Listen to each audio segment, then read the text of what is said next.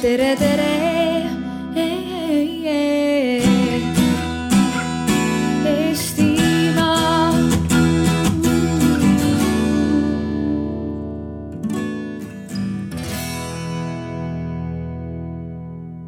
No nii, tervist kõigile, tere hommikut äh, siin Paides Arvamusfestivalil ja mul on hea meel tervitada siin auväärt publikut, kes te olete tulnud kuulama äh, arvamuste vahetust, mõttevahetust ja võib-olla, et isegi väikest debatti Eesti raamatukogude teemal. ma loodan, et, te olete kõik ähm, lugenud seda, kuidas on see tänane arvamuste vahetus siin välja kuulutatud, kellel ei ole kava või kes on selle ära unustanud, ma tuletan teile veel meelde.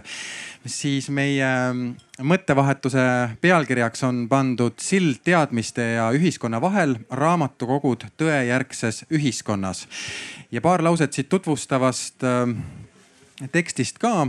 Äh, raamatukogude juhid arutavad siis raamatukogude rolli Äh, üle väärinfo leviku tõkestamisel. kuidas raamatukogud saaksid sellele vastu astuda ja kas see on üldse raamatukogude roll? kuidas saaksid raamatukogud kõige paremini saavutada tõenduspõhise info jõudmise inimesteni? Need on mõned laused, äh, millega on meid välja kuulutatud. ma kasutan siin võimalust ja tahaksin ka natukene võib-olla tõesti laiendada seda, seda temaatikat, et me ei oleks väga kimpus selle tõejärgsuse Äh, temaatikaga, et me ei jõua seda juttu siin küll täna rääkima hakata, mis see on ja kas seda ikka üldse on. aga olgu see siis meile ajendiks, äh, et raamatukogude teema tõstatada ja, ja ma kõigepealt tutvustan teile tänaseid vestlejaid, meil on siin väga kõrgel tasemel äh, raamatukogude esindus ja tegelikult võiks siin olla veel mõne raamatukogu äh, juht, äh, näiteks Tartu Ülikooli raamatukogu juht, aga seal on toimunud alles hiljuti ähm, uue juhi valimine ja praegu alles ilmselt käib ettevalmistus kogu selle raamatukogu nii-öelda juhtimiseks ja arendustegevuse jätkamiseks, nii et Tartu Ülikooli raamatukogu siin ei ole. aga ma alustan siit oma vasakult käelt tutvustamist. Kaie Holm, kes on Tallinna Keskraamatukogu direktor. sealt edasi Janne Andresoo, kes on Eesti Rahvusraamatukogu direktor, siis Tõnis Liibek, kes on Tallinna Tehnikaülikooli raamatukogu direktor või kuidas peaks ütlema, on Tehnikaülikool või TalTech siis? Tehnikaülikool on väga hea. okei okay ja sealt edasi on Jan, Jane Kiristaja, kes on teile ilmselt, kes te olete äh, siit Järvamaalt pärit äh,, tuttav. ta on Järvamaa Keskraamatukogu direktor ja kõige viimasena on Asko Tamme, kes on Tartu Linnaraamatukogu direktor. nii et äh, hulga äh, direktoreid väga erinevatest raamatukogudest ja üks teema, millel me loodame ka vestelda, on tõesti see, et, ähm, et kõik need erinevad raamatukogu institutsioonid ei olegi tingimata väga ühtselt Eestimaal koordineeritud, nad alluvad väga erinevatele haldajatele, linnale, ülikoolile, mõni neist ka otse riigile. Ja, ja see toob, ma saan aru, ka endaga teatud selliseid hõõrumisi või, või küsimusi kaasa, et kuidas Eestimaal neid raamatukogusid üldse hallata, kuidas neid valitseda aga et, äh, et alustada tõesti niimoodi äh, iga raamatukogu, võimaliku raamatukogu kasutaja äh, seisukohalt, siis äh, sellel suvel ma olen ise külastanud või püüdnud külastada Eestimaa raamatukogusid, äh, teades, et me täna siin ka kõik kohtume. ja võib-olla alustaksin sellest tõesti, et see meie raamatukogude kättesaadavus üldse Eestis aastaringselt ja siin on olnud mulle väga suur üllatus, kui ma tegin ka väikese võrdluse Soomes, Helsingis nii ülikooli raamatukogu kui ka, kui ka sealne siis linnaraamatukogu raamatukogu, aga ka näiteks Lätis Riias samamoodi suur rahvusraamatukogu, mm, Läti ülikooli raamatukogu Nad on ikkagi suvel kõik lahti. Äh, jah, natukene piiratud aegadel, aga, aga siiski on olemas äh, aastaringselt võimalus kasutada raamatukogu. nüüd äh, siin on praegu su kõige suurema raamatukogu esindaja, siis Eesti Rahvusraamatukogu direktor ja see pall tegelikult kukubki siia Eesti Rahvusraamatukogule kohe. kõik need muud raamatukogud, mis on esindatud, te olete siiski ka suvel kõik mingisugustel aegadel lahti. ma võin kinnitada, et ka Tallinna Tehnikaülikooli raamatukogu on suvel tõesti loetud päevadel lahti. käisin isegi laenutasin sealt ühe raamatu, sellepärast et teised raamatukogud olid kinni parasjagu miks siis on meie kõige suuremad sellised teadusraamatukogud ja ka see Eesti Rahvusraamatukogu, miks nad on suvel kinni? kolmkümmend päeva, terve juulikuu ei ole võimalik kasutada neid kõige suuremaid ressursse no nii, tervist. no tegelikult äh, täpsustuseks me oleme kaks nädalat nüüd sellel aastal olime kinni, eelmine aasta ka see üldse meile ei meeldi, et me suveks paneme kinni ja me ei tahaks seda üldse teha. see on hästi elulistel ja praktilistel põhjustel ja meil on suur lootus, et see lõpeb ära äh, sellega seoses, et me peaksime saama oma maja remonditud, sellepärast et äh, me peame jupphaaval seda maja kogu aeg putitama ja, ja remontima ja mõned tööd on sellised, mis ei kannata seda, et samal ajal on raamatukogu lahti. ja siis me kasutamegi selleks seda, seda suvist aega. me oleme seda kogu aeg lühendanud ja nüüd viimasel ajal ongi see olnud meil kaks nädalat, aga ega see meile au ei tee tee, see on tõsi, sest ähm, meie külastajad tegelikult, äh, kuigi suve ajal on neid kõige vähem äh, me oleme selle välja nii-öelda peilinud, mis ajal siis äh, seda tahtmist raamatukogu nii füüsiliselt külastada ongi seal täpselt seal juuli kahel nädalal, aga, aga neid tahtjaid ikkagi on. nii et kui me vaatame ka seda kuuma juulinädalat, kui me raamatukogu uksed lahti tegime, siis me olime väga meeldivalt üllatunud, et meil oli kohe väga palju lugejaid majas kas võib kohe saada kätte ka ühe veksli, et kas järgmine suvi on Rahvusraamatukogu aastaringselt juba lahti? Järgmine suvi, ohoo, siis me veel projekteerime oma maja. Ehitama hakkame võib-olla alles ülejärgmine aasta. no äh, väga hea oleks praegu anda see veksel niimoodi välja, see oleks väga uhke, aga ma ei saa seda praegu anda lihtsalt, ei saa sellepärast, et äh, jumal teab, võib-olla me peame järgmine aasta jälle mingit katust samal ajal parandama, mis meil läbi laseb või äh,. nii see on lihtsalt, see on hästi praktiline ja sellest majast tulenev. veel, kas ei ole võimalik panna mingit ühte inimest kuhugi ukse juurde, kes ikkagi selle laenutussoovi või raamatusoovi suudab täita, isegi kui see katuse parandaja seal töötab või põrandavahetus toimub, et ikkagi see raamatukogu mingil kujul ikkagi oleks lahti no,? tegelikult ta on mingil kujul, noh, see võib kõlada natuke nagu demagoogilisena selles mõttes, et meil on see e-raamatukogu nagu kogu aeg püsti ja ja, põhimõtteliselt on, on võimalik saada ka pikema aja jaoks äh, nüüd koju äh, laenutust, et äh, kui enne seda pikka sulgemisaega saad oma raamatut kätte, siis saad väga pikalt neid raamatuid lugeda, et me oleme sellise vastutulemise teinud oma lugejatele. ja saad raamatu ära tagastada ja, ja, ja mõningaid selliseid asju saad veel teha. aga, aga nagu ma ütlesin, siis me, me oleme täitsa teadlikud, et see ei ole asi, mis teeks meile au, sest avatus on meie esimene väärtus, millele me rõhume ja no see kinni olemine ei ole sugugi avatud tehtud, aga kui, kui, kui mul mikrofon on käes, siis ma tahan öelda, et, et see, mida me kavatseme teha peale seda, kui me saame oma maja remonditud, siis me tahame ka teha ta kakskümmend neli tundi füüsiliselt lahti. et on võimalik seda maja ka niimoodi nii-öelda tsoneerida, et osa raamatukogust on ööpäevaringselt lahti. et me oleme tegelikult selle peale juba praeguses etapis mõelnud ja, ja kui ka seda remonti ei tule, siis see, see soov ja tahtmine on meil nii suur, et, et võib-olla me teeme selle ikkagi teoks ka olenemata sellest, kui me seda remonti ei saa. sest see on üks küsimärk praegu. Hästi, ma pöördun ka korraga siis Tallinna Tehnika Tehnikaülikooli raamatukogu direktori Tõnis Liibeki poole sellesama teemaga veel. mul oli suur üllatus, et tõesti Tehnikaülikool, mida võib-olla ei seosta äh, nii palju tohutu raamatu lugemisega, et seal on ikkagi palju sellist käsitööd ka Teie olete suvel nii-öelda ülikooli või nendest teadusraamatukogudest ikkagi, ikkagi lahti leidnud selle võimaluse. samal ajal Tallinna, Tallinna Ülikooli raamatukogu, siis Akadeemiline raamatukogu suvel kinni. Tartu Ülikooli raamatukogu suvel kinni ja tegelikult Tartu Ülikooli raamatukogu on olnud juba aastaid kinni, kui oli see remont ja ei ole ka praegu leitud seda võimalust teda nii-öelda avada siis igal hetkel, kuigi põrandad on kenasti ilusa uue betooniga valatud ja, ja, ja võimalusi seal raamatukogus on üsna mitmeid. millest see siis tuleb, et just Tehnikaülikool on siin kõige progressiivsem? Äh, ma arvan, et kui väga tahta, et siis see kindlasti on kuidagi võimalik ja seda on ka saavutatud kahjuks ma küll ei saa seda pidada enda teeneks, et ma pean kohe ütlema, et ma olen selles ametis olnud ainult äh, kolm kuud. sinna sisse läheb ka puhkus. et äh, tegelikult see, see traditsioon on olnud päris pikk, et me oleme püüdnud olla maksimumaeg lahti. ja kui vaadata nagu tuleviku poole, siis äh, selline minimalistlik soov oleks see, et me oleksime ikkagi ütleme kuskil aasta-pooleteise perspektiivis lahti ööpäevaringselt vähemalt Tehnikaülikooli üliõpilastele no hästi ma pöördun võib-olla sellesama ligipääsetavuse teemaga siis ka teiste raamatukogu hoidjate poole, et tõesti äh, meie siis need linnaraamatukogud ja, ja maaraamatukogud ja rahvaraamatukogud, kuidas õige termin siin oli, äh, on siiski vähemalt need avamisajad on aastaringselt äh, olemas. Kui palju nendest avamisaegadest üldse see raamatukogu teenuse siis ligipääsetavus sõltub, et kui tähtis see tegelikult on, et raamatukogu oleks kogu aeg lahti? ma võtan siit siis sõna kindlasti oleks Eestis võimalik rahvaraamatukogude kättesaadavust teha veelgi paremaks.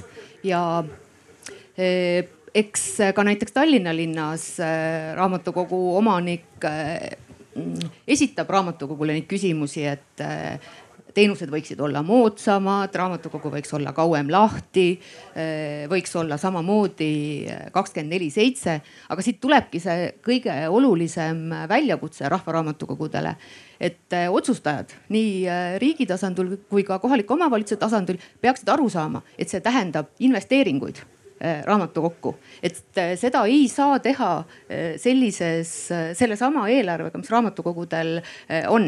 et vaatamata sellele, et majandusel on, on ju tegelikult üsna head ajad, siis minu hinnangul rahvaraamatukogusid on hoitud noh üsna tugeval dieedil et äh, kõik see, mida me oleme teinud, oleme me teinud üsna suuresti raamatukogu hoidjate hasardist ja nende armastusest selle, selle töö vastu. Äh, et selleks, et raamatukogu oleks kauem lahti, äh, oleks võimalik lugejal minna sinna õhtutunnil oma lugejakaardiga, siis see tähendaks, et kõik need süsteemid, sinna raamatukogu sisenemine, kõik see laenutus, need tuleb ümber teha ja see ei ole üldse väike raha. Tallinna linnas ka minu käest küsivad linnaisad, et miks ei võiks raamatut viia postiautomaati, miks ei võiks droonidega viia kohale, miks ei võiks pakirobot viia. aga selleks tuleb ära teha mõned investeeringud ja äh, need on suured rahad, aga vot siis nagu see jutt, jutt lõpeb seal enam-vähem. Läheb, tuleb rahajutt meile vastu hoopiski sealt ja äh, Jane Kiriste, võib-olla sama, sama teema siis ka veel alustuseks, et äh, kuidas on äh, Järvamaal siin Keskraamatukogus äh, selle lahtioleku ajaga, kui ligipääsetav see raamatukogu teenus siin inimestel on? et mulle tundub kõigepealt ma tänan, et mind on kutsutud äh, siia suurte raamatukogude kõrvale, sest mina pean ennast ikkagi Järvamaal, et meie raamatukogu on ikka väike raamatukogu ja kuulub äh, just sinna maaraamatukogude hulka. ja kõige alus on ikkagi statistika et kui äh, lugejat ei ole suveperioodil, siis ei ole mõtet seda raamatukogu lahti hoida. meil see aasta üks töötaja tegi oma lõputöö ja uuris äh, loomulikult ka lahtioleku aegu. ja äh, eks lugeja ikka kirjutab sinna, et tema meelest võiks olla raamatukogu lahti kakskümmend neli seitse aga tegelikkus ikkagi näitab seda, et on perioode, kus meil väiksemates raamatukogudes päeva jooksul ei käi ühtegi lugejat. ja, ja maaraamatukogud äh, Järvamaal päris paljud on suveperioodil kinni kolmkümmend viis päeva. ja see kõik toimib. me oleme kõik teinud selleks, et äh, lugeja saaks äh, tuua tagasi oma raamatu ehk siis pannud raamatukogudele tagastuskastid ja kui enne rääkisime siin nendest tehnilistest vajadustest, äh, droonid ja värgid, eks ju, siis tegelikult mina ikka väidan seda, et äh, väikeses maakohas äh, tahetakse vestelda selle raamatukogu hoidjaga, inimesega ja teate, tehnika on üks viimaseid asju, mida siin vajatakse ja selle maaraamatukogu nii-öelda sotsiaalse dimensiooni juurde me veel tuleme, aga, aga selle avaringi siis äh, lõpetab Asko Tamme, Tartu Linnaraamatukogu direktor, et kuidas on, kas suvel need, kes kõik Tartu Ülikooli raamatukogu ukse taga kraabivad, sinna sisse ei saa, vajuvad ka siis sinna Lutsu raamatukokku? ma loodan, tere, tere jah, tere, tere ja suur tänu kutsumast ka nagu Rahvusraamatukogule ja et ma loodan küll jah, jah, ja, ja nüüd need paar aastat, kui ülikooli raamatukogus oli suur remont, siis oli ka märgata, et tõesti tuldi. Mm, ja noh, meil on hea meel, et me ikkagi noh, meie oleme lahti, tõsi küll, palju vähem, kui me tahaksime, et, et selle juurde tagasi tulles ma ütleksin standardne, standardne rahvaraamatukogu lahtioleku aeg oleks selline, et ta oleks argipäeviti kaheksast kümneni, laupäev, pühapäev kümnest kaheksani. et see oleks nagu see, et, et hea küll, me ei räägi kahekümne neli, kakskümmend neli seitsmest, aga see on see, millest me alustame, eks ole. ja mina tean üsna täpselt, mida ta, mida see tähendab, noh mulle meeldiks selles diskussioonis siin panna raha sulgudesse, öelda, et, et noh, et neist asjadest, mille jaoks raha on vaja, me ei räägi, aga, aga ma, ma tean üsna täpselt, mida see tähendab koosseisu mõttes või siis see tähendab seda, et, et ma ikkagi hoian maja kuidagi poolikult lahti, et ma teen ta kuidagi niimoodi noh, ainult mingisugused alad lahti ja teised alad kinni et, et siin on nagu äh, see teeninduse ja kättesaadavuse küsimus minu jaoks on esimene on see, et kogu maja on kogu aeg ühtemoodi lahti. ja teine asi on siis see, et, et ma ajan need ajad võimalikult pikemaks. nüüd kõrvalistuja jutule seda, et, et, et, et kui ma näiteks täna äh, ootamatult kuulutan, et mul on raamatukogu keskjooni lahti, siis esimene aasta tõesti ei tule sinna kümne ja kaheteistkümne vahel mitte kedagi. teisel aastal ka ei tule, aga see on, kuidas ma ütlen, see on nagu selline tekitatud nõudlus. kolmandal aastal hakkavad juba käima. et, et tegelikult, mida rohkem me saaksime raamatukogusid lahti hoida, seda parem ja see, see sõltub täpselt puhtalt sellest, et milline on sinu tehniline varustatus ja milline on äh, noh, nii-öelda see raha, mis sa saad sinna alla panna, et, et et meie jaoks on see valik väga lihtne, et, et me peaksime nagu põhimõtteliselt mõni aasta komplekteerimise ära lõpetama, et siis me saaksime selle asja rakendada, et. et noh, et, et siin ongi nagu see, et, et asjad lähevad teatavasse järjekorda, eks ole, et, et, et äh, olemasolevasse kogusse, olemas, olemasolevasse aega normaalse teeninduse tekitamine on olulisem kui selle nii-öelda kakskümmend neli seitse või ütleme isegi siis nagu ma ütlen, ideaalne oleks mina mina elaksin maailmas, kus raamatukogu on lahti kaheksast kümneni, kaheksast kümneni, kaheksast kümneni ja siis teistel päevadel kümnest kaheksani. me ei suuda seda teha, pühapäeval oleme, pühapäeval oleme me kinni.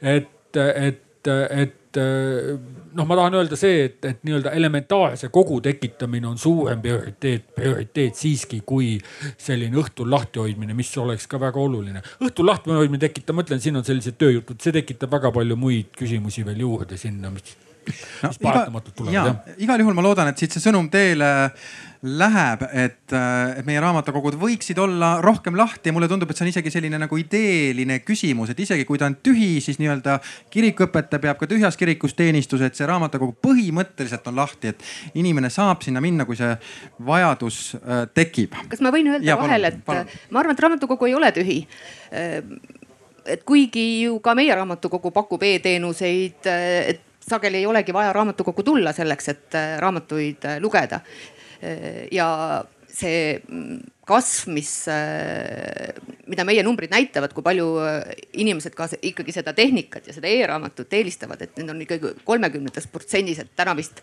oli uudis sellest, et e-raamatuid ei osteta, aga neid laenatakse väga palju. aga Äh, kasvu näitab ka äh, raamatukogu külastuste arv. et, et nii palju ei kasva see paberlaenu, äh, raamatu laenutamine kui just see, et tullakse raamatukokku koha peale. kas siis selleks, et kasutada seal arvutit, kas lugeda perioodikat, osaleda keelekohvikus või mõnel koolitusel.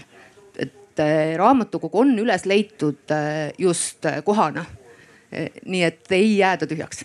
ja Jane Kiristel oli veel, jah. ja et mina olen nüüd see, kes ma pean nagu siin vastanduma sellega, et ma tahangi seda öelda, et me teeme tegelikult täiesti vahet ühele, ühel suurel linnaraamatukogul ja ühel väiksel maaraamatukogul. milline roll on sellel väiksel raamatukogul ja milline roll on linnaraamatukogul või teadusraamatukogul, et noh, sellest me tegelikult ju, ju vestlesime seal küsimustikus.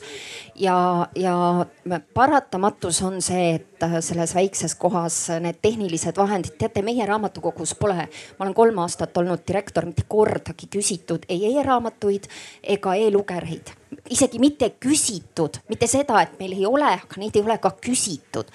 et äh, me lähtume ikka sellest, et millised on meie lugejad ja ma ütlen teile, et Järvamaal ei ole ülikooli, tänu sellele meil see selles vanuses lugeja, kes käib ülikoolis või kes üldse läheb nagu koolist ära, see kaob ka ära, ta tuleb tagasi meile siia maakohta.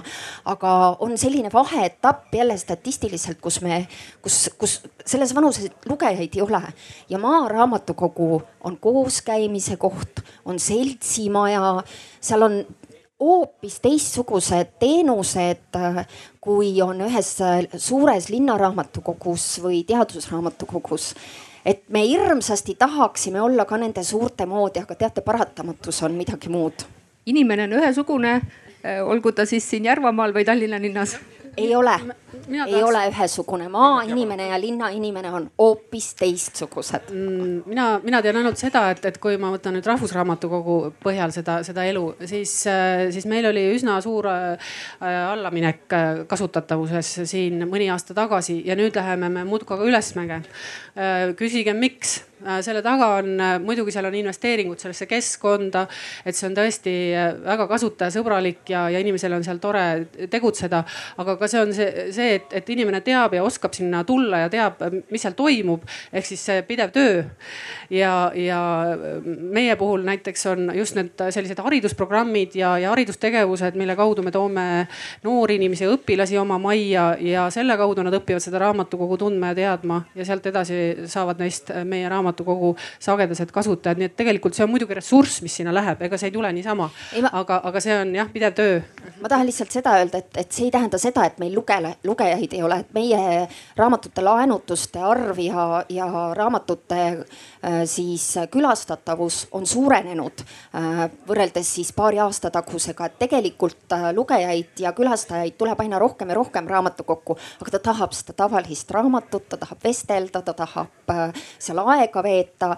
et see ongi see vahe sellel suurel linnaraamatukogul või siis äh, teadusraamatukogul ja väikesel maaraamatukogul. ja Tõnis. jah, et Tehnikaülikooli näitel ma julgeks küll öelda, et äh, viimase kümne aasta jooksul on külastatavus vähenenud aga selles ma ei näe mitte ainult traagikat, et pigem see taandub sellele, et inimesed aina rohkem kasutavad neid e-ressursse, andmebaase ja juhul, kui siis teadur või üliõpilane istub oma kuskil kabinetis või, või ühikas ja kasutab neid andmebaase, siis ta tegelikult on juba sel hetkel raamatukogus seda isegi nagu teadvustamata. et äh, et see on muidugi kahju, kui neid tuleb vähem nagu füüsiliselt raamatukokku ja selle nimel me kindlasti töötame. aga tegelikult jah, see ressursside osakaal aina kasvab.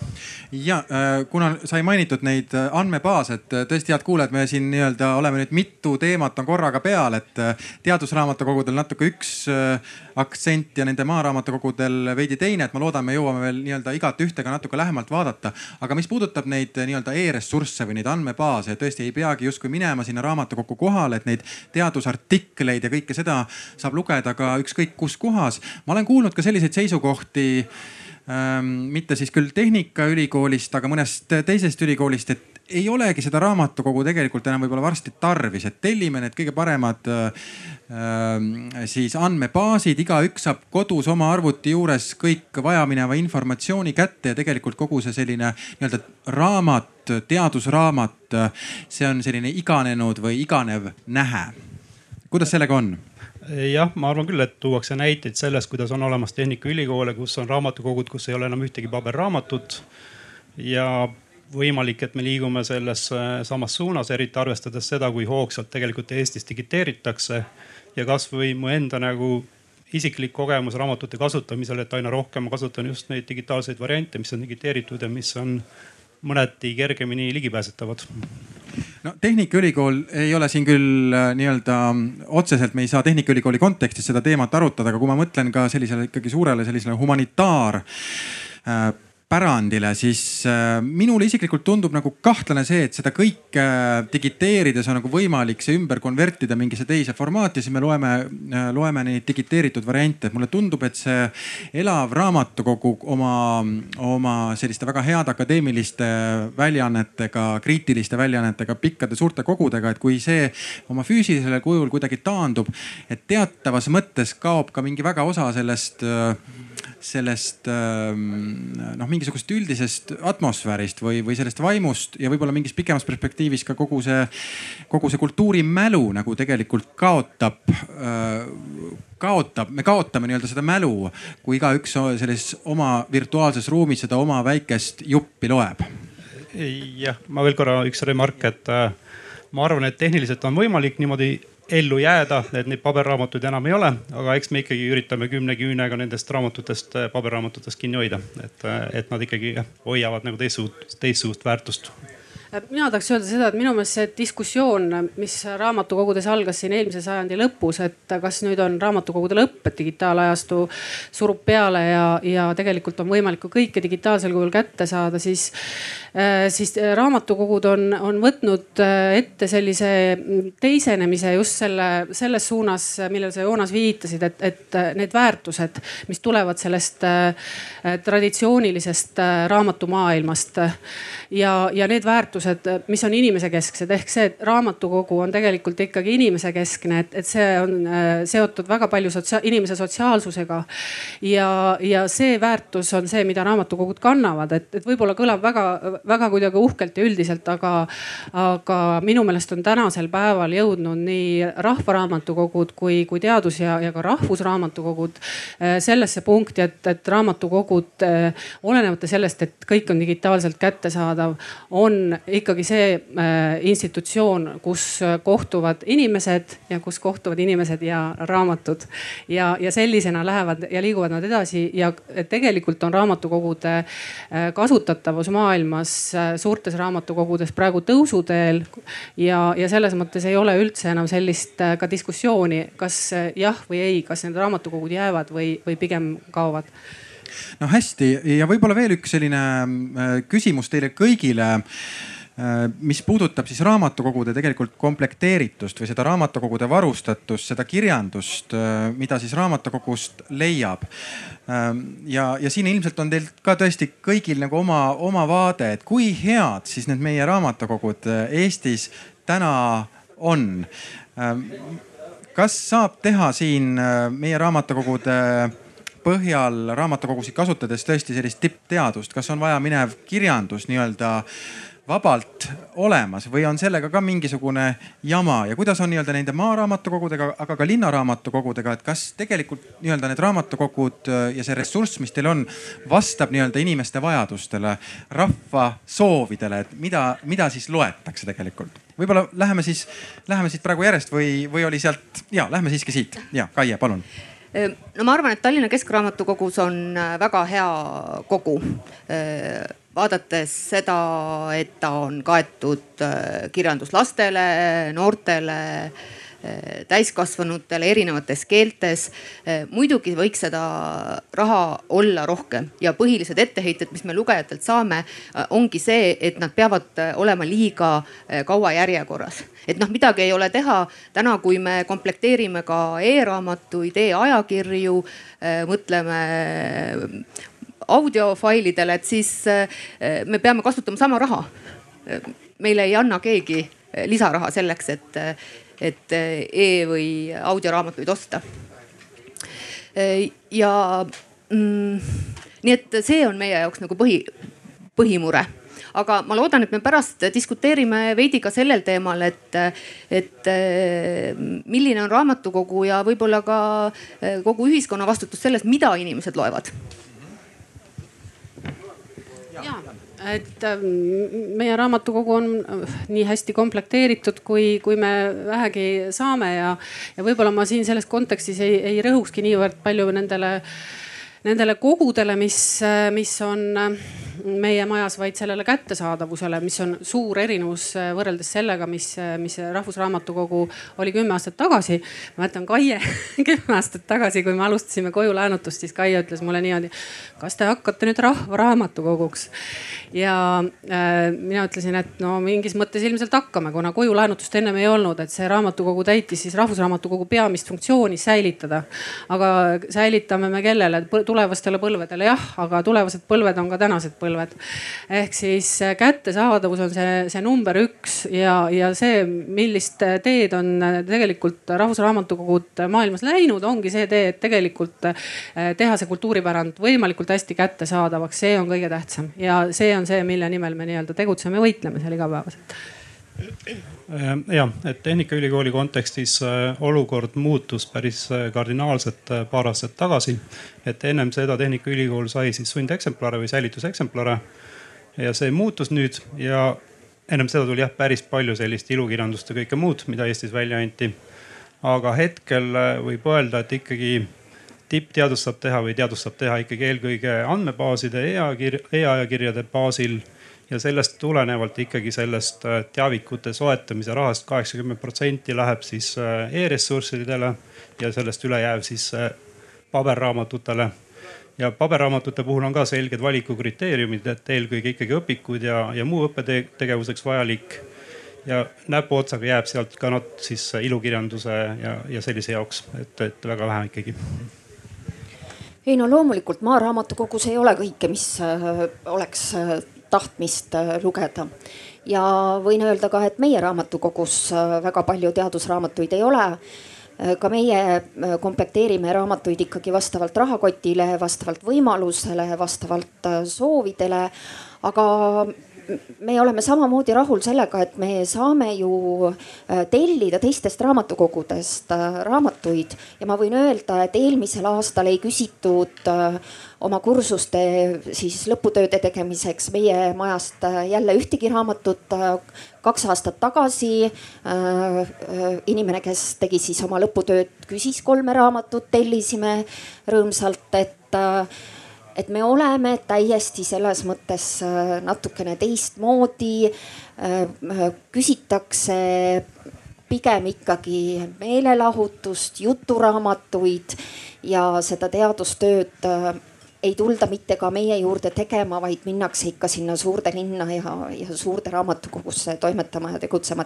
mõtled, et oh, inimene tuleb maakohta, seal on vaikne, rahulik, et tulen oma tööd tegema, et meie kandis on väga palju neid inimesi, kes veedavad oma puhkust, äh, käivad äh, puhkuse ajal äh, kohe eraldi selline seltskond on, kes käib puhkuse ajal laenutamas ja, ja ikka ja aina meelelahutus, meelelahutus, meelelahutus, no nii ta kipub olema.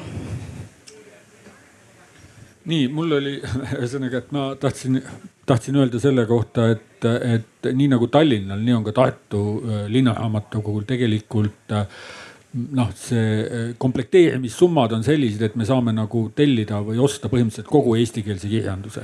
et meil ei teki nagu seda, me, meil on küsimus selles, kas me ostame neli, viis, kuus või noh, kakskümmend aastat tagasi ostsime kakskümmend või kakskümmend viis, eks ole, et. et selles mõttes meil on nagu lihtsam tööd teha, oli lihtsam tööd teha, nüüd on keerulisem tööd teha. aga suur, suur raamatukogu saab põhimõtteliselt kogu eestikeelse materjali, mida tal on vaja, eh, saab osta noh, iseasi on siis see, et, et, et noh, ja, ja selle valiku, mis meil nii-öelda jooksvalt tekib, selline võõrkeelne valik, selle me suudame ka osta.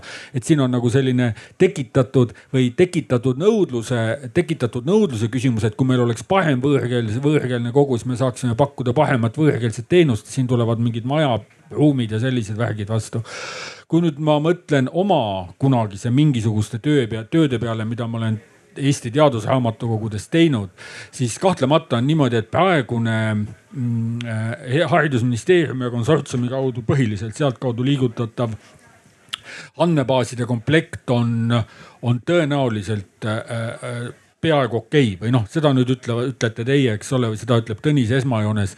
et kas inimesed saavad sellega hakkama või nad peavad ikkagi veel kasutama, ma ei tea, mingisuguseid maa-aluseid viise millegi saamiseks. aga ma julgen öelda, et humanitaarteaduste puhul nii-öelda õppetöö jaoks on okei okay,, aga uurimistöö jaoks, tegelikult uurimistöö jaoks.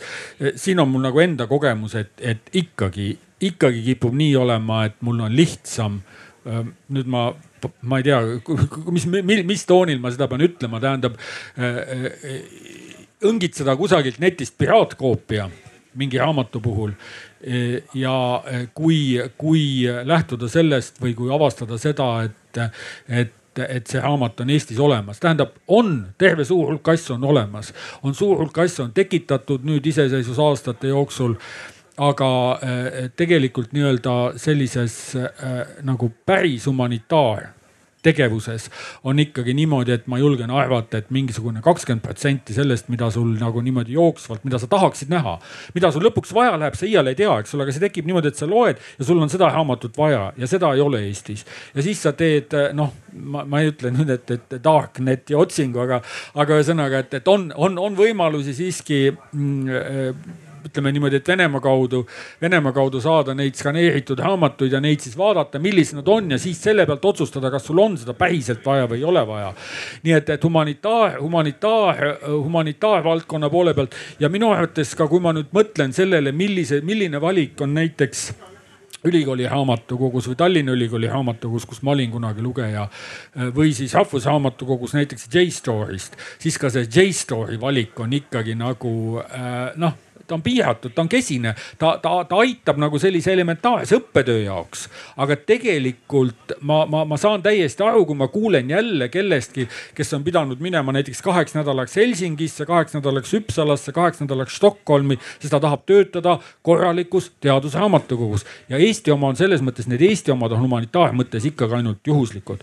aga nüüd mul on selles, sellele küsimusele mul veel kolmas punkt ka et, et mis puudutab nüüd maaraamatukogude komplekteerimist Eestis, see on nüüd nagu selline põhimõtteline ja tehnoloogiline, ma ütleksin süsteem, süsteemne otsus, et see vastab natuke sellele küsimusele, mis tuli siit kuskilt maa, enne tuli meil, meile välja, et, et, et milline on meie maaraamatukogude võrgustik. meie raamatukogude võrgustik on suurepärane, eeskujulik, väga hea selles mõttes, et meil on äh, hästi paljudes hästi väikestes kohtades raamatukogusid, teistest küljest on jälle teine hästi palju hästi väikeseid kohti, kus raamatukogusid ei ole aga see tekitab selle olukorra, et nende raamatukogude komplekteerimisvõime on äärmiselt vilets. ütleme ausalt öeldes, nendes kohtades ei ole mõtet oodata, et et nii-öelda reaalselt, kui raamatukogu hoidja kulutab oma raha nii-öelda selle peale, milleks tal tegelikult on nõudmist, ei maksa oodata, et, et, et see raamatukogu hoidja ostab näiteks loomingu raamat, loomingut, vabandust, loomingu raamatukogu tõenäoliselt ikkagi ostab, et ta ostab loomingut või et ta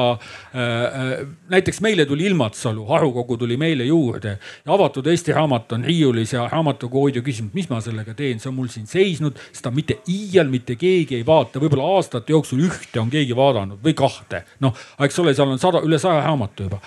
Mõtlen, et ei, okei okay,, jätame alles, aga see on, eks ole, selline, see on selline emotsionaalne otsus. me oleme selle kunagi ostnud, me jätame ta alles, et tegelikult siin on nagu ma tahtsin jõuda selleni, et, et kui me nüüd võtame kogu riigi pealt, siis meil on, äh, äh, kui me tahame, et meil oleks igas väiksemas kui kohas oleks ülihea või võimalikult hea raamatukogu teenus, siis me peame tõenäoliselt sellest igas, igasse, peaaegu igas väikses kohas olevast raamatukogust loobuma ja tegema nii-öelda rändraamatukogud, mis on hästi komplekteeritud, kus on väga lihtne ja väga hea korraldada nii-öelda sulle vajaliku raamatu saabumist sulle põhimõtteliselt koduse postkasti juurde.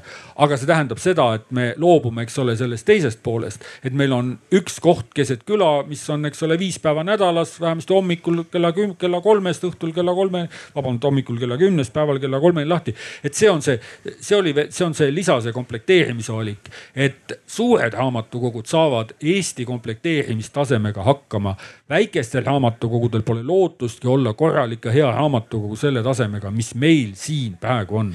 ma olen ise aru saanud nii, et seal väikeses raamatukogus võib-olla ei olegi selle kohapealse kollektsiooni suurus nii oluline oluline, sest tõesti see raamatukogude vaheline laenutus toimib väga hästi, et kui seal kohapeal seda ei ole, see on põhimõtteliselt homseks, maksimum ülehomseks on sul see raamat ikkagi kohal. ma tahtsin korraks lihtsalt seda öelda, et inimestele meeldivad hirmsasti numbrid.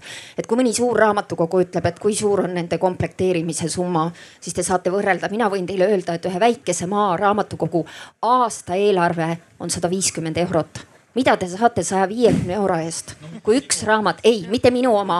Äh, kuna mina, Järvamaa Keskraamatukogu ju komplekteerib tervele maakonnale, me teeme lepinguid väikeste raamatukogudega ja läbi minu, mina näen, äh, milliseid summasid kulutatakse väikese raamatukogu peale. ma võin öelda, ühes maaraamatukogus kogu aasta komplekteerimissumma on sada viiskümmend eurot mm siin katkeb no. meil lausa see vestlus selliste summade peale. tähendab, minu näide oli see Ilmatsalu, Ilmatsalus elab umbes viissada inimest, eks ole, ja, ja nende komplekteerimis, aasta komplekteerimissumma on neli tuhat. noh, eks ole, neli tuhat on kakssada raamatut, noh Või... nii ja palun, Rahvusraamatukogu. Ma, ma, ma, tahaks tuua selle, mis Joonas tegelikult eh, nimetas ka, et raamatukogude vaheline laenutus, et, et see on üks selline eh, võimalikke lahendusi, kuidas need kogud panna niimoodi liikuda, liikuma, et, et need raamatud, mis seal võib-olla seisavad jõude, jõuaksid täpselt lugejani ja, meil on nüüd Rahvusraamatukogu on siin EAS-i toel algatanud siis sellise projekti, arendusprojekti Raamatud liikuma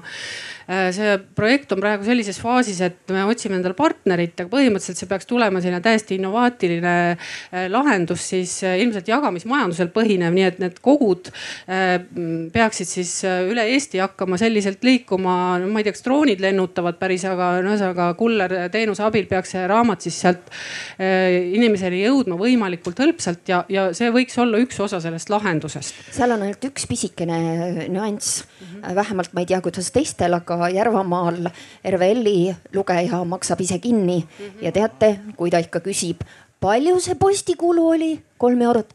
no ma ei tea siin ma saan aru, tulevad meil tõesti sellised suured demograafilised kontrastid välja, mis meil siin Eestimaal, Eestimaal on. kuidas selle saja viiekümne euroga on, kas see on maaraamatukogudel kuidagi ka strateegiline, et üks ostab oma saja viiekümne euro eest need kolm raamatut, teine seal ostab need kolm ja siis omavahel saab neid liigutada või igaüks teeb täiesti iseseisvalt selle valiku? on nii, et äh, nad teevad ikka iseseisvalt selle valiku, aga praeguseks hetkeks on Järvamaal siis kolm valda äh, Paide linn, äh, Türi vald ja Järva vald ja nad teevad omavahel koostööd äh, kui siis äh, lähestikku oleval raamatukogul äh, üks võtab ühe raamatu ja teine võtab võib-olla teise raamatu, et siis saavad nagu jagada.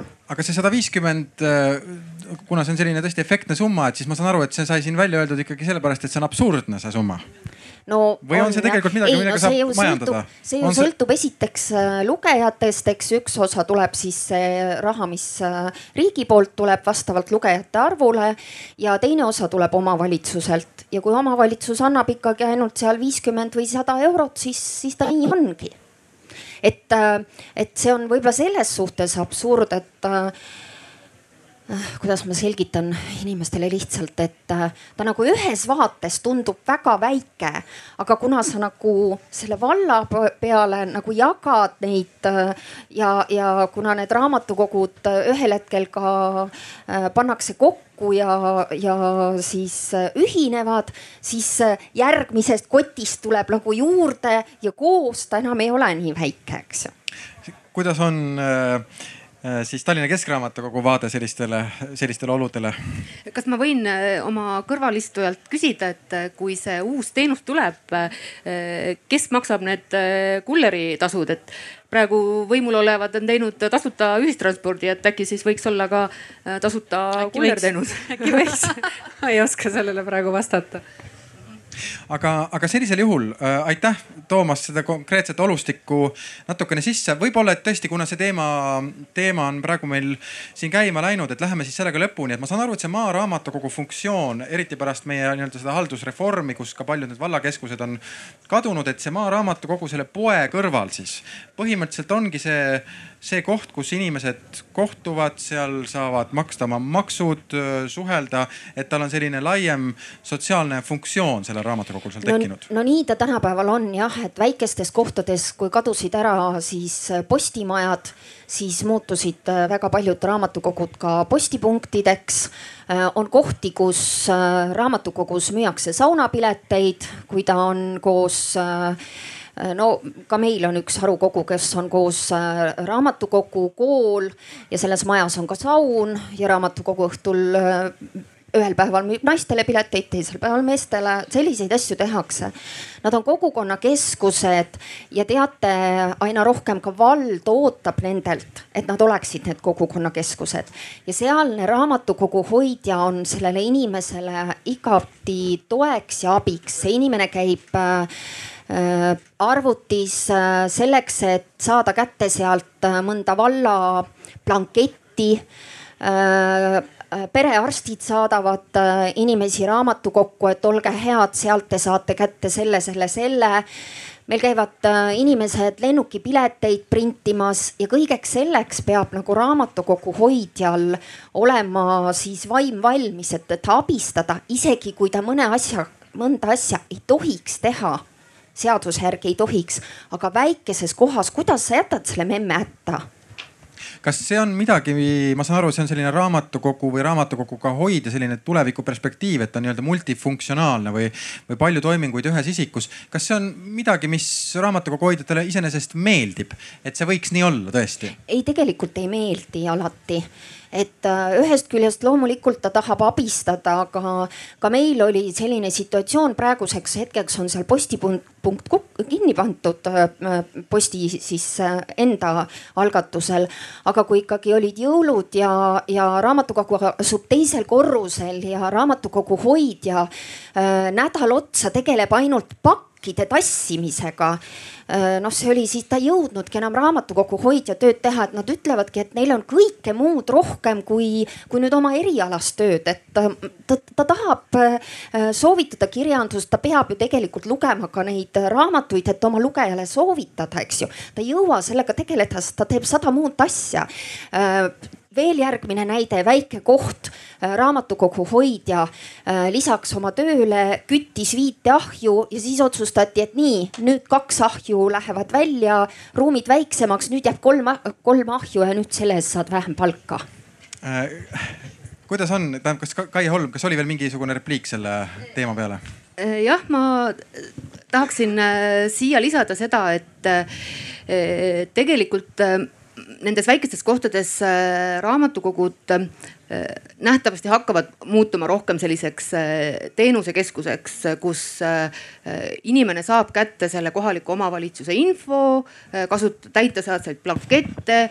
raamatukogu hoidja saab teda abistada nende kohalike või ka riigiteenuste kasutamisel ja need väiksed raamatukogud tegelikult võiksid kujuneda ka selliseks kaugtöökeskuseks kus äh, lisaks sellele äh, täna üsna tavalisele arvutile on olemas skaneerimis, erinevad printimisvõimalused, 3D äh, printer, kõik selline asi, mida inimene täna võib vajada oma huvitegevuseks, võib-olla uute ideede saamiseks, kuidas teha oma, oma väikest äri ja miks mitte ka seal kohapeal seda kaugtöökohta kasutada oma firma asjade ajamiseks ma arvan, et äh, täna raamatukogu hoidjad on valmis selleks, et äh, inimestele äh, neid pädevusi õpetada.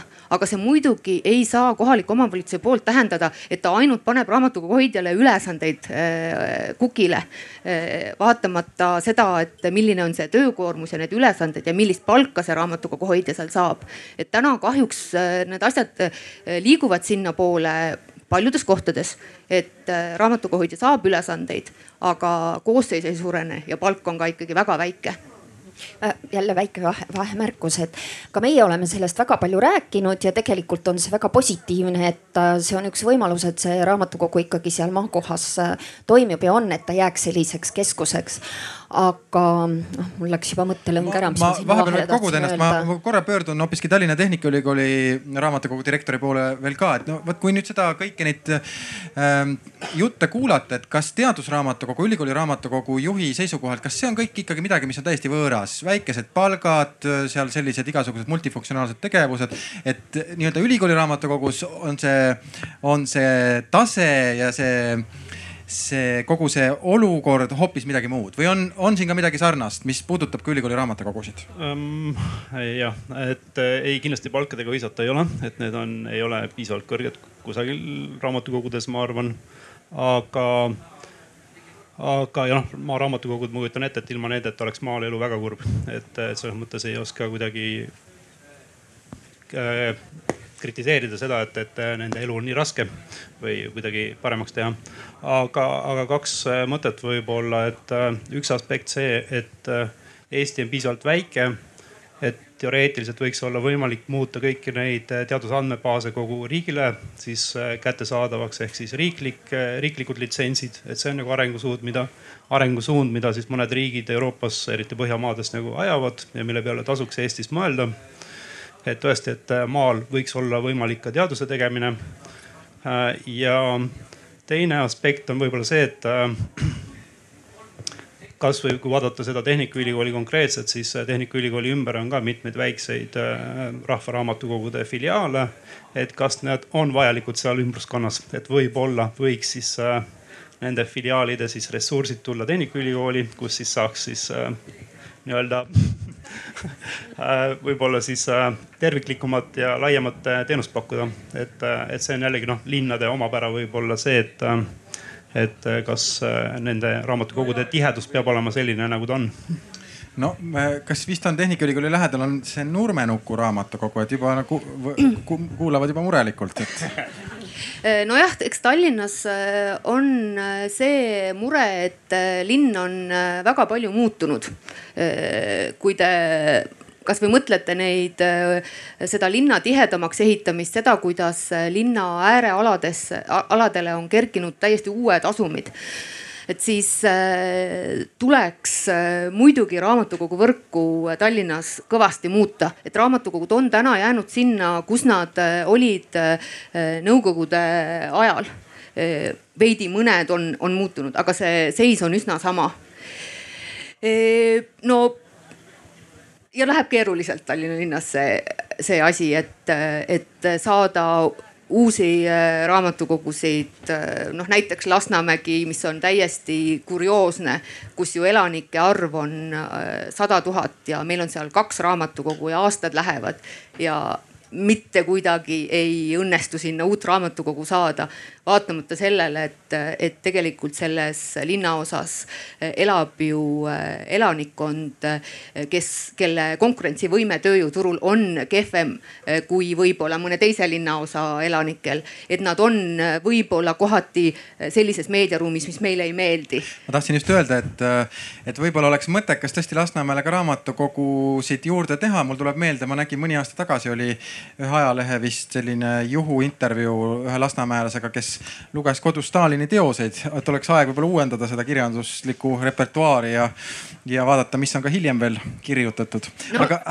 ja no mingi midagi seal Lasnamäel seal äh, kuskil kivi taga ta on, et vaatamata sellele, et ju äh, kogu aeg äh, Lasnamäe on kandideerinud äh, mehed, kes on olnud linnapead, et, et kuidas sinna neid raamatukogusid saada, no see on keeruline, see on pikk jutt. aga ma tuleksin siis tegelikult selle meie välja kuulutatud küsimuse juurde ka, mida, mida juba Kaie, Kaie Holm siin tegi ka ettepaneku, et selle juurde võiks äh, tulla nii-öelda need raamatukogud siis selles tänases ühiskonnas, mida me jutumärkides siin äh, teema väljakuulutuses nimetasime tõejärgne maailm. raamatukogu kui selline valgustusasutus, raamatukogu, mis peaks siis pakkuma tõesti seda adekvaatset teadmist, et ka ühiskonnas orienteeruda sotsiaalsel tasandil, aga miks mitte ka individuaalsel või psühholoogilisel tasandil. siin Jane Kiriste juba tõi välja, et see repertuaar, mida raamatukogu laenutab, et, et see on üdini selline meelelahutuslik kirjandus. et kui palju täna raamatukogu peaks kandma siis ka sellist missiooni või mingisugust sellist valgustaja rolli, et tõepoolest ühiskonda, inimesi suunata sellise, sellise kirjanduse teaduse poole, mis aitaks ka kuidagi meil tõesti paremini elada, paremini seda maailma mõista, selles orienteeruda. et kui palju te saate ja peaksite tulema siin lugejale vastu? ja see on tõesti küsimus kõigile. ja kindlasti peaks olema raamatukogul see roll ja noh, mina isiklikult arvan, et äh, üks võimalus selleks, et ikkagi raamatukogu hoidjaid tuleb koolitada mis, mis on praegu hirm? hirm on praegu väikestes kohtades see, et äh, seoses valdade ühinemisega äh, siis raamatukogud ka ühinevad ja tekib selline situatsioon, et kui enne oli seaduses iga ka väiksem raamatukogu juht oli direktor ja seadusest tulenevalt on siis direktoril kõrghariduse kohustus aga nüüd võib tekkida selline hetk, kus on siis ainult üks direktor ja kõik need ülejäänud väiksed kohad on äh, väiksed raamatukogu hoidjad või nimetatakse neid ka kuidagi teisiti. ja äh, seal ei ole enam sellist äh, hariduse nõuet ja otsitakse koha peal inimene, kes lihtsalt oleks olemas, kes oleks selle null koma kaks või null koma viie äh, kohaga seal olemas, mis on ühest küljest väga hea, sellepärast et see raamatukogu ei kao mitte kusagile. Aga kuidas nüüd me tagame selle, et, äh, et see inimene oskab, äh, et tal on õiged teadmised, et ta oskab neid, neid, seda õiget informatsiooni leida, kuidas me selle tagame? Ja see on tegelikult hirm ja võib-olla siis teised direktorid ka sellele samale teemale teie, teie esimene mina, repliik. mul on hea meel, et vihme tuul toob. mina, mina juurde. muidugi olen selles küsimuses see, kes võib nojah, ma jään natukene eriarvamusele, tähendab mind põhimõtteliselt ma pean ka tunnistama vist, et mind kõigepealt huvitab üldse rohkem öelda midagi raamatukogude kohta põhimõtteliselt, millised nad on, kui, kui et millised nad peaksid olema. ja, ja selles mõttes, selles mõttes ma olen jah, nagu natukene teisel arvamusel, ma arvan, et, et inimesed, et siin on nagu see, siin põrkavad kokku väga erinevad äh, ühiskondlikud äh, ühiskondlikud institutsioonid, eks ole. ütleme, et kirjandus kui selline, kunst kui selline, tähendab see, mida inimesed teevad, mida nad kirjutavad, noh seinast seina. ja siis on sinna, siis põrkab sellega kokku raamatukogu kui ühiskondlik institutsioon, mis peaks, eks ole, siis seda kirjandust viima inimesteni. ja, ja, ja nüüd on see küsimus, et kas, kas meie oleme nüüd viijad, kes peavad sinna veel mingi sõela vahele ehitama või me ütleme, et ei, et, et viige, et lähebki nii nagu läheb, et, et, et iga inimene, ma tahan öelda seda, et iga inimene korrastab oma elu ise ise, iga inimene elab oma elu ise ja tuleb raamatukokku ja tahab lugeda seda, mida tal pähe tuleb lugeda ise. ja, ja, ja kes olen mina, et talle öelda, et, et, et sa loed nagu liiga viletsat raamatut või et su, või et su, või et, või et need luuletused, mida sa loed, ei ole õieti mitte mingid luuletused. tähendab, ma võin talle midagi öelda, aga ma ei saa, ma, ei saa võtta sellist hoiakut, et minul on õigus noh, näiteks mingite asjade suhtes äh, võtta nüüd selline äh, dotseeriv või, või veel enam mingisugune universumi direktori hoiak.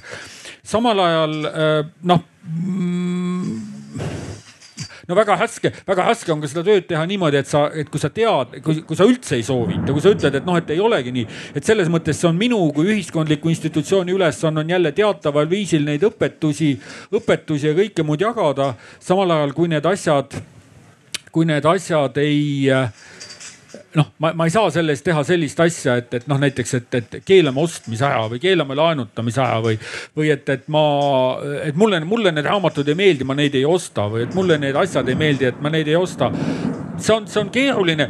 tähendab, raamatukogul kindlasti on ma ütlen, et raamatukogul on umbes nagu pool, veerand ja veerand. et kõigepealt, kõigepealt pool on ta lihtsalt selline sotsiaalne institutsioon, kus inimesed käivad ja loevad, loevad, mida nad tahavad. siis umbes nagu veerandi maht on see, kus me oleme nagu haridusinstitutsioon ja viimase veerandi jagu on see, kus me oleme sotsiaalne asutus, kus me peame pakkuma nimelt sedasama tuleku kohta, olemiskohta, läbielamiste kohta ja kõike muud ja nad lõpuks on nad kõik inimese jaoks ühesugused, et inimene selleks, et äh, inimene käib raamatukogus sellepärast, et ta tunneb millestki millestki puudust, millest ta täpselt puudust tunneb. mind ei huvita see, mille järgi ta täpselt puudust tunneb, kui ta on minu juurde korra tulnud. nii et raamatukogu hoidja silm ei pilgu väga, kui, kui inimene tuleb, küsib seal Lapiku maa või radikaalset poliitilist äh, kirjandust, et see, see läheb, see läheb ikka kõik nii-öelda välja kohe. mikrofon, palun tähendab minu, minu silm võib pilkuda nii palju, kui ta tahab, aga raamatukogu hoidja silm ei pilgu jah et, äh, raamatukogu hoidja peaks äh, pakkuma võimalusi äh, valikuks, mis muidugi on keeruline, kui raamatukogu hoidja peab raamatuid ostma saja viiekümne euro eest, et, et kuidas ta siis otsustab, et, et mida ta sinna pakub. kuid raamatukogu, Rahva Raamatukogu roll on alati olnud ikkagi hariduslik, et luua võimalused inimesele enesearendamiseks. aga kuna raamatuid ilmub nii palju see on ka eesti keeles, et siis äh, tegelikult inimesed äh, vajavad veidi sellist juhendamist ja siin sõltubki ka raamatukogu hoidjast üsna palju, et millistele raamatutele me tähelepanu pöörame, mida me paneme näitusele, mida me, mille tutvustamiseks me üritusi korraldame ja mitte. aga ma tahaksingi tuua välja, et, et see ei ole ainult ka raamatukogu hoidjate vastutus. et inimesed näeksid seda äh, lugemist enda arendamise võimalusena, vaid, äh, vaid see, see on üsna paljude osapoolte teha, sealhulgas meedia, sest äh, me näeme ju raamatukogudes iga päev seda, kui inimesed tulevad ajalehtede väljalõigetega ja ütlevad, et näete, siin räägiti seda, ma tahan seda raamatut lugeda ja, ja kui on eelmisel õhtul olnud Plektrum ja seal on räägitud raamatust, siis järgmisel päeval on need inimesed kõik raamatukogus ja küsivad seda raamatut, mis seal jutuks oli. et, et see on nagu meedia roll, millistest raamatutest me räägime, kas me räägime Lapikust maast kogu aeg või on need ikkagi mingisugused teised raamatud, mille, millele me tähelepanu pöörame. sest inimene vajab selles suures infoküllas orienteerumiseks juhendamist et, et siin ei tasu, tähendab see klikimajandus, noh meedia peaks mõtlema, et see on tema vastutus. ja, et ma ei tea, kas ah, ikka Äike ikka jättis alles selle. Äh, ja et ma olen nõus sellega, et raamatukogu ei saa võtta sellist universumi direktori rolli endale ja, ja sellist äh, tsensorit mängida, aga samas äh, raamatukogu on ja peab olema usaldusväärne ühiskonnale, et, ja kui ma võtan nüüd Rahvusraamatukogu näitel, siis, siis Rahvusraamatukogu roll on võib-olla veel noh Äh, erilisem võrreldes teiste raamatukogudega, et äh, kelle puhul väga täpselt äh, jälgitakse, et, et mis seal toimub, millist informatsiooni levitatakse, millised on need hoiakud, et toogem kasvõi näide siin MMS-i alase nii-öelda mingi ürituse korraldamisest, et väga-väga tähelepanelikult jälgitakse, et kas Rahvusraamatukogu võtab sellise ürituse enda majas korraldada või mitte. noh, teine, teine teema on siin igasugused poliitilised jõud ja, ja ma ütlen välispoliitikat, kus, kus me püüame olla võimalikult neutraalsel seisukohal, aga see usaldusväärsus jah, ja selle hoidmine on, on ennekõike raamatukogudele kõige tähtsam, aga, aga selle tsensori rolli võtmine on, ma arvan, et see ei ole see, mida raamatukogud peaksid tegema. ma julgeks küll öelda, et Tehnikaülikool küll tsenseerib, et tegelikult see rahakott on piiratud et eelkõige ostetakse teadus- ja õppekirjandust ja see vähene, mis üle jääb, siis ikkagi tehakse väga konkreetne valik, et äh, mida osta, millist ilukirjandust osta. ja ostetakse teadlikult nii-öelda kvaliteetset ilukirjandust, mis muidugi on subjektiivne, et selleks on väike komisjon, kes seda otsustab ja ikkagi läheb läbi sõela see, mida muretsetakse siis äh, selle vähese raha eest, mis on Ehm, kui oli juttu sellest, et tõesti nii-öelda klassikalisel kujul raamatukogu hoidja peaks olema inimene, kes tõesti orienteerub ka selles kirjanduses, mis temal seal raamatukogus on.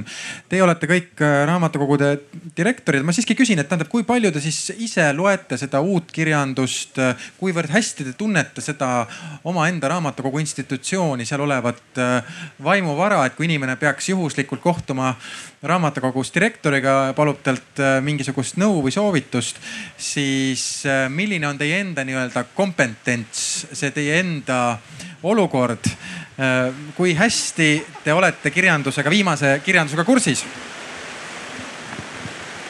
nojah, pean, pean vist punastama, sest. vist tuli ka peale, et ega keegi ei kuule eriti, mis te vastate. et äh, meie raamatukogul oli väga legendaarne direktor Eesti, esimese Eesti Vabariigi ajal, kes tegi soovitusnime, nimekirju Anton Hansen Tammsaarele, et ma kohe kindlasti selleni ei küündi. ja ma loodan, et meie raamatukogus on professionaalid, kes on oluliselt paremini kursis raamatutega, mida me kogusse hangime.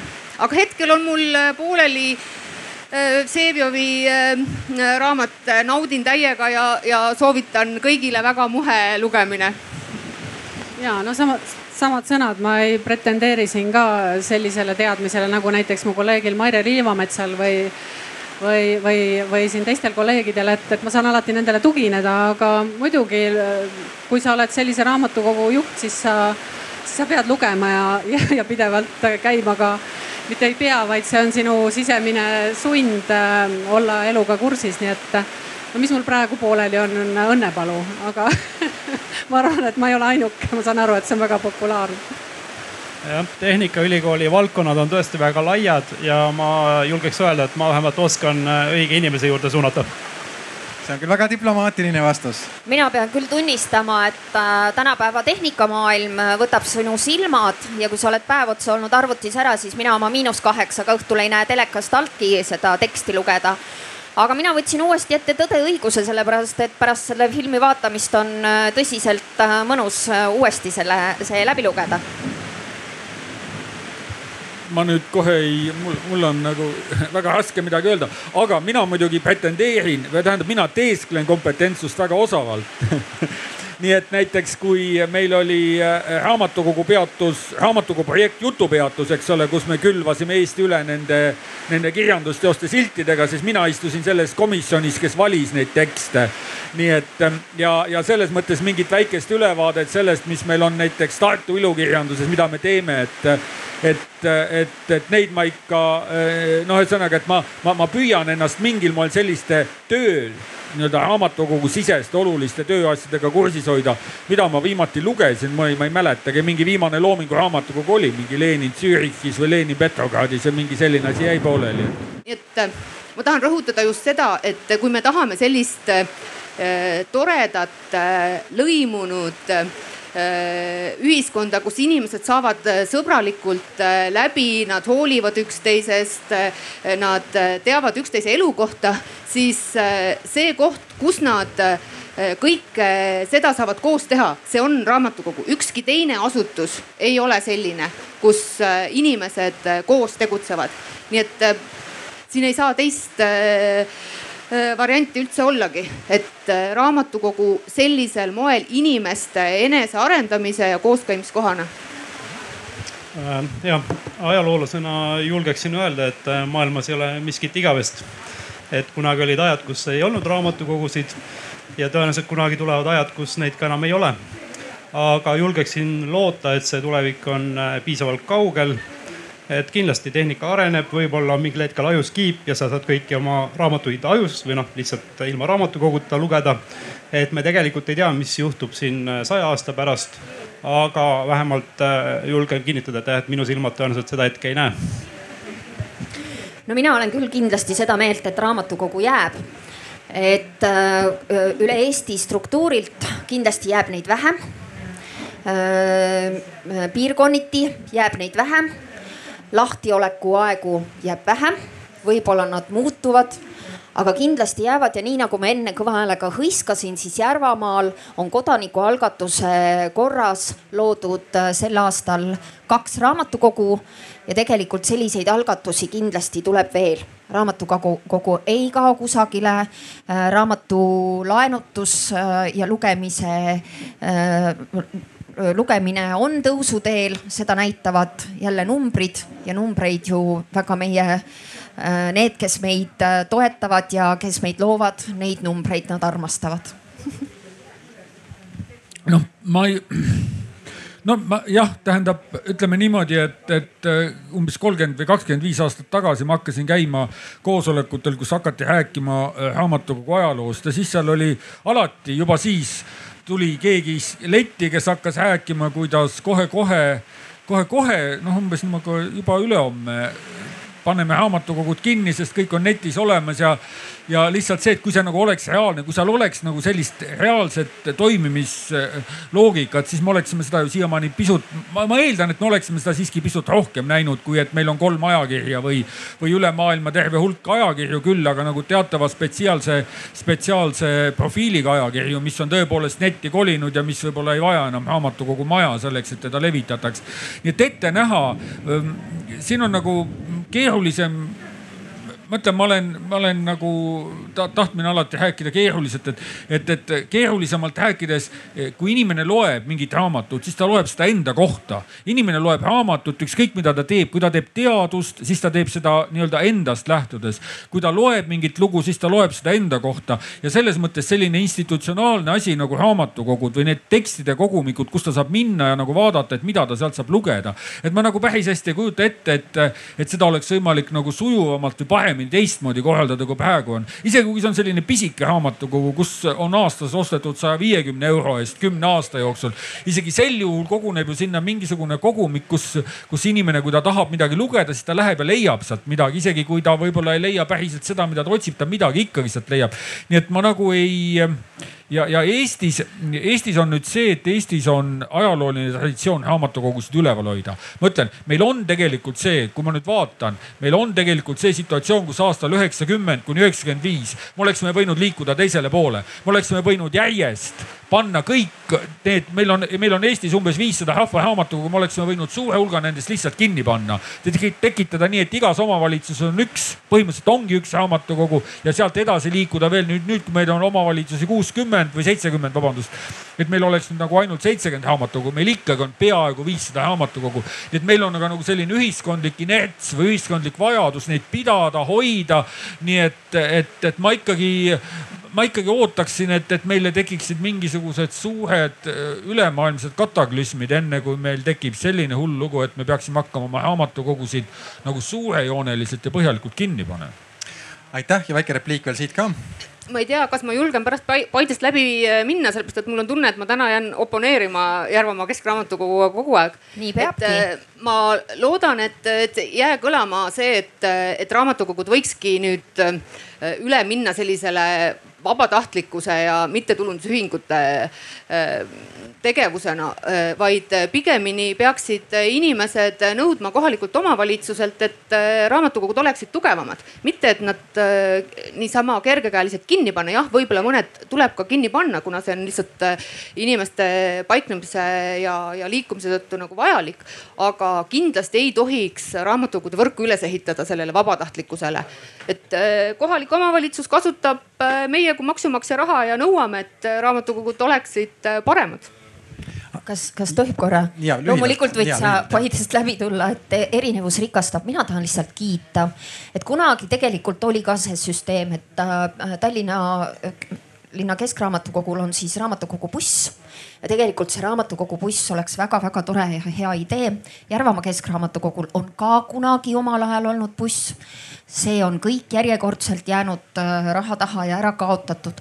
aga tegelikult on see ju hea mõte, sest noh, Soomes on need olemas ja, ja need äh, näited toimivad nii hea publik, enne kui me lõpetame, siis mul on selline lendav mikrofon siin, mille ma viskaksin inimesele, kes tahaks äh, öelda ka äh, kuuldule mõne repliigi või, või küsida mõnelt esinejalt äh, midagi. härra, teie jah? hakkame siin, teeme väikse mängu siis. jah. ja rääkige sinna musta sisse.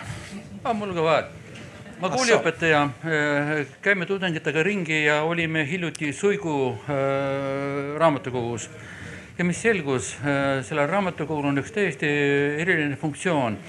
Äh, kõrval lasteaed, algkool äh, lõpetas päeval töö ja siis lapsed kogunesid sinna kas me nimetame seda noortekeskuseks või, või pikapäevarühmaks, pole vahet, aga mingi koht peab olema, kus vanemad teavad, et laps on turvaliselt ja nad seal harivad, õpivad, tegutsevad koos.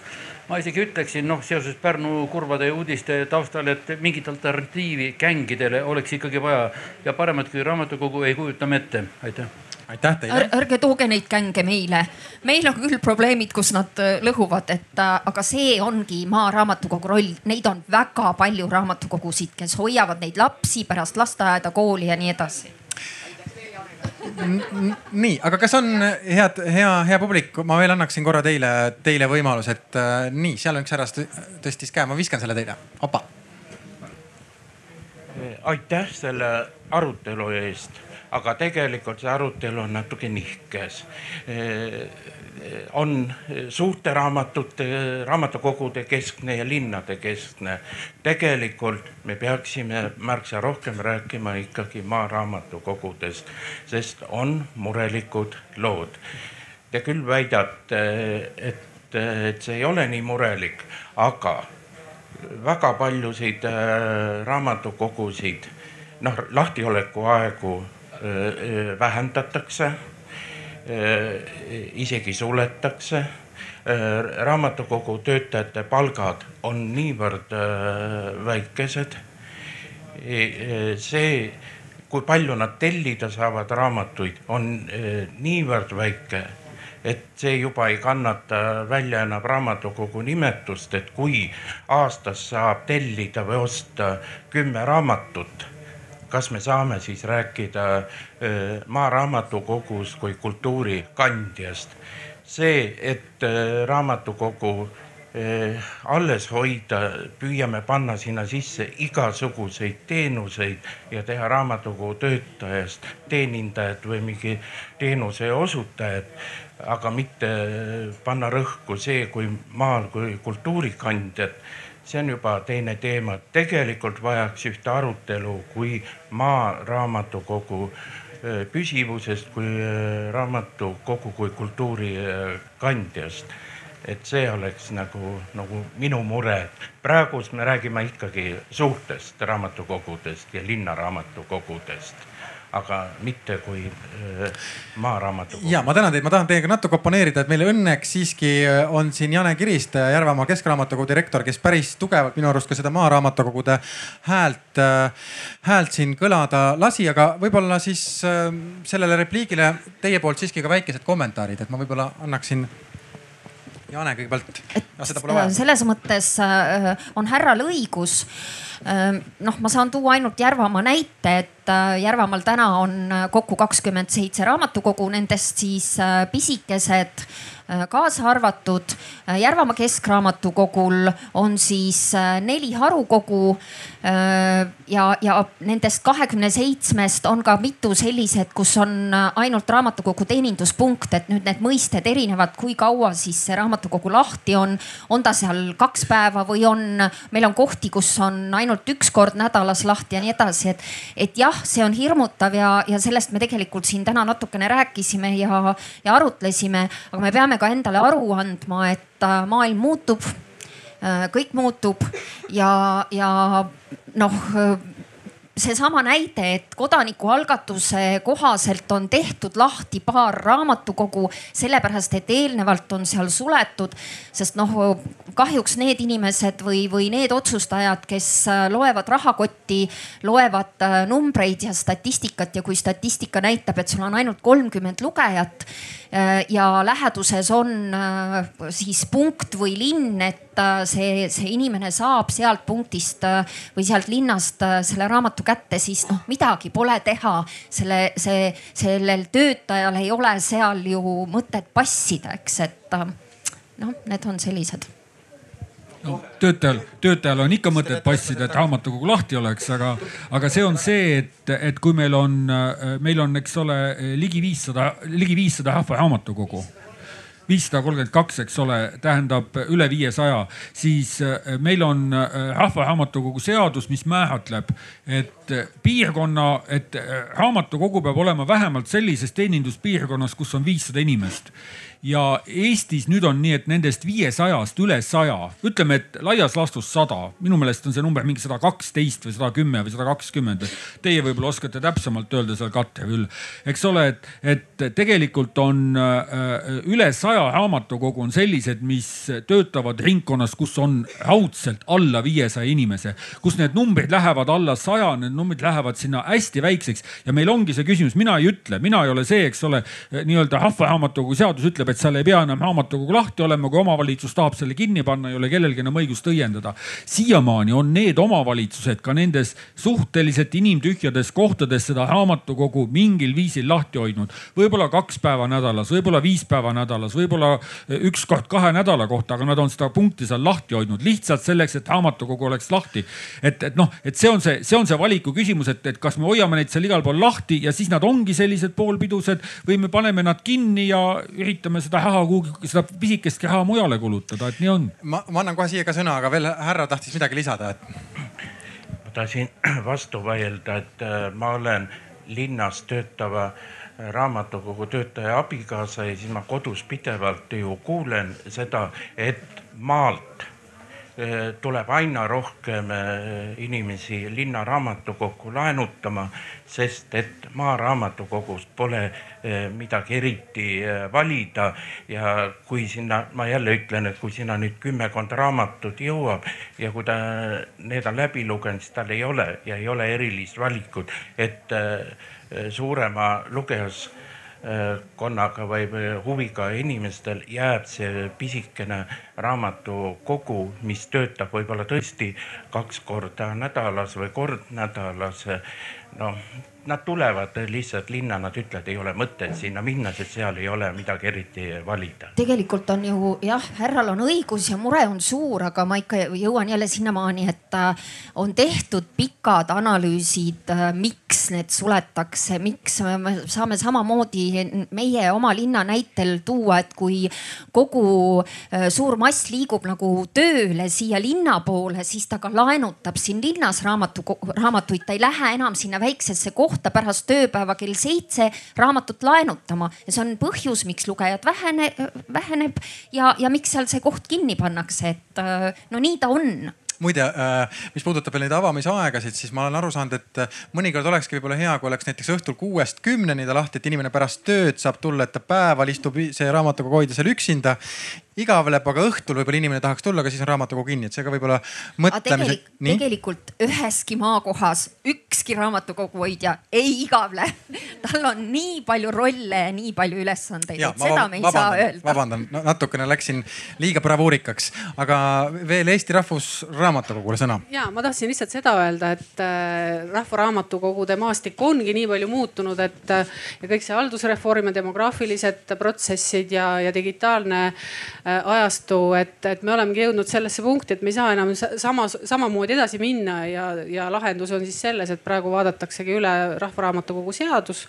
nii et me oleme kõik sellesse protsessi kaasatud.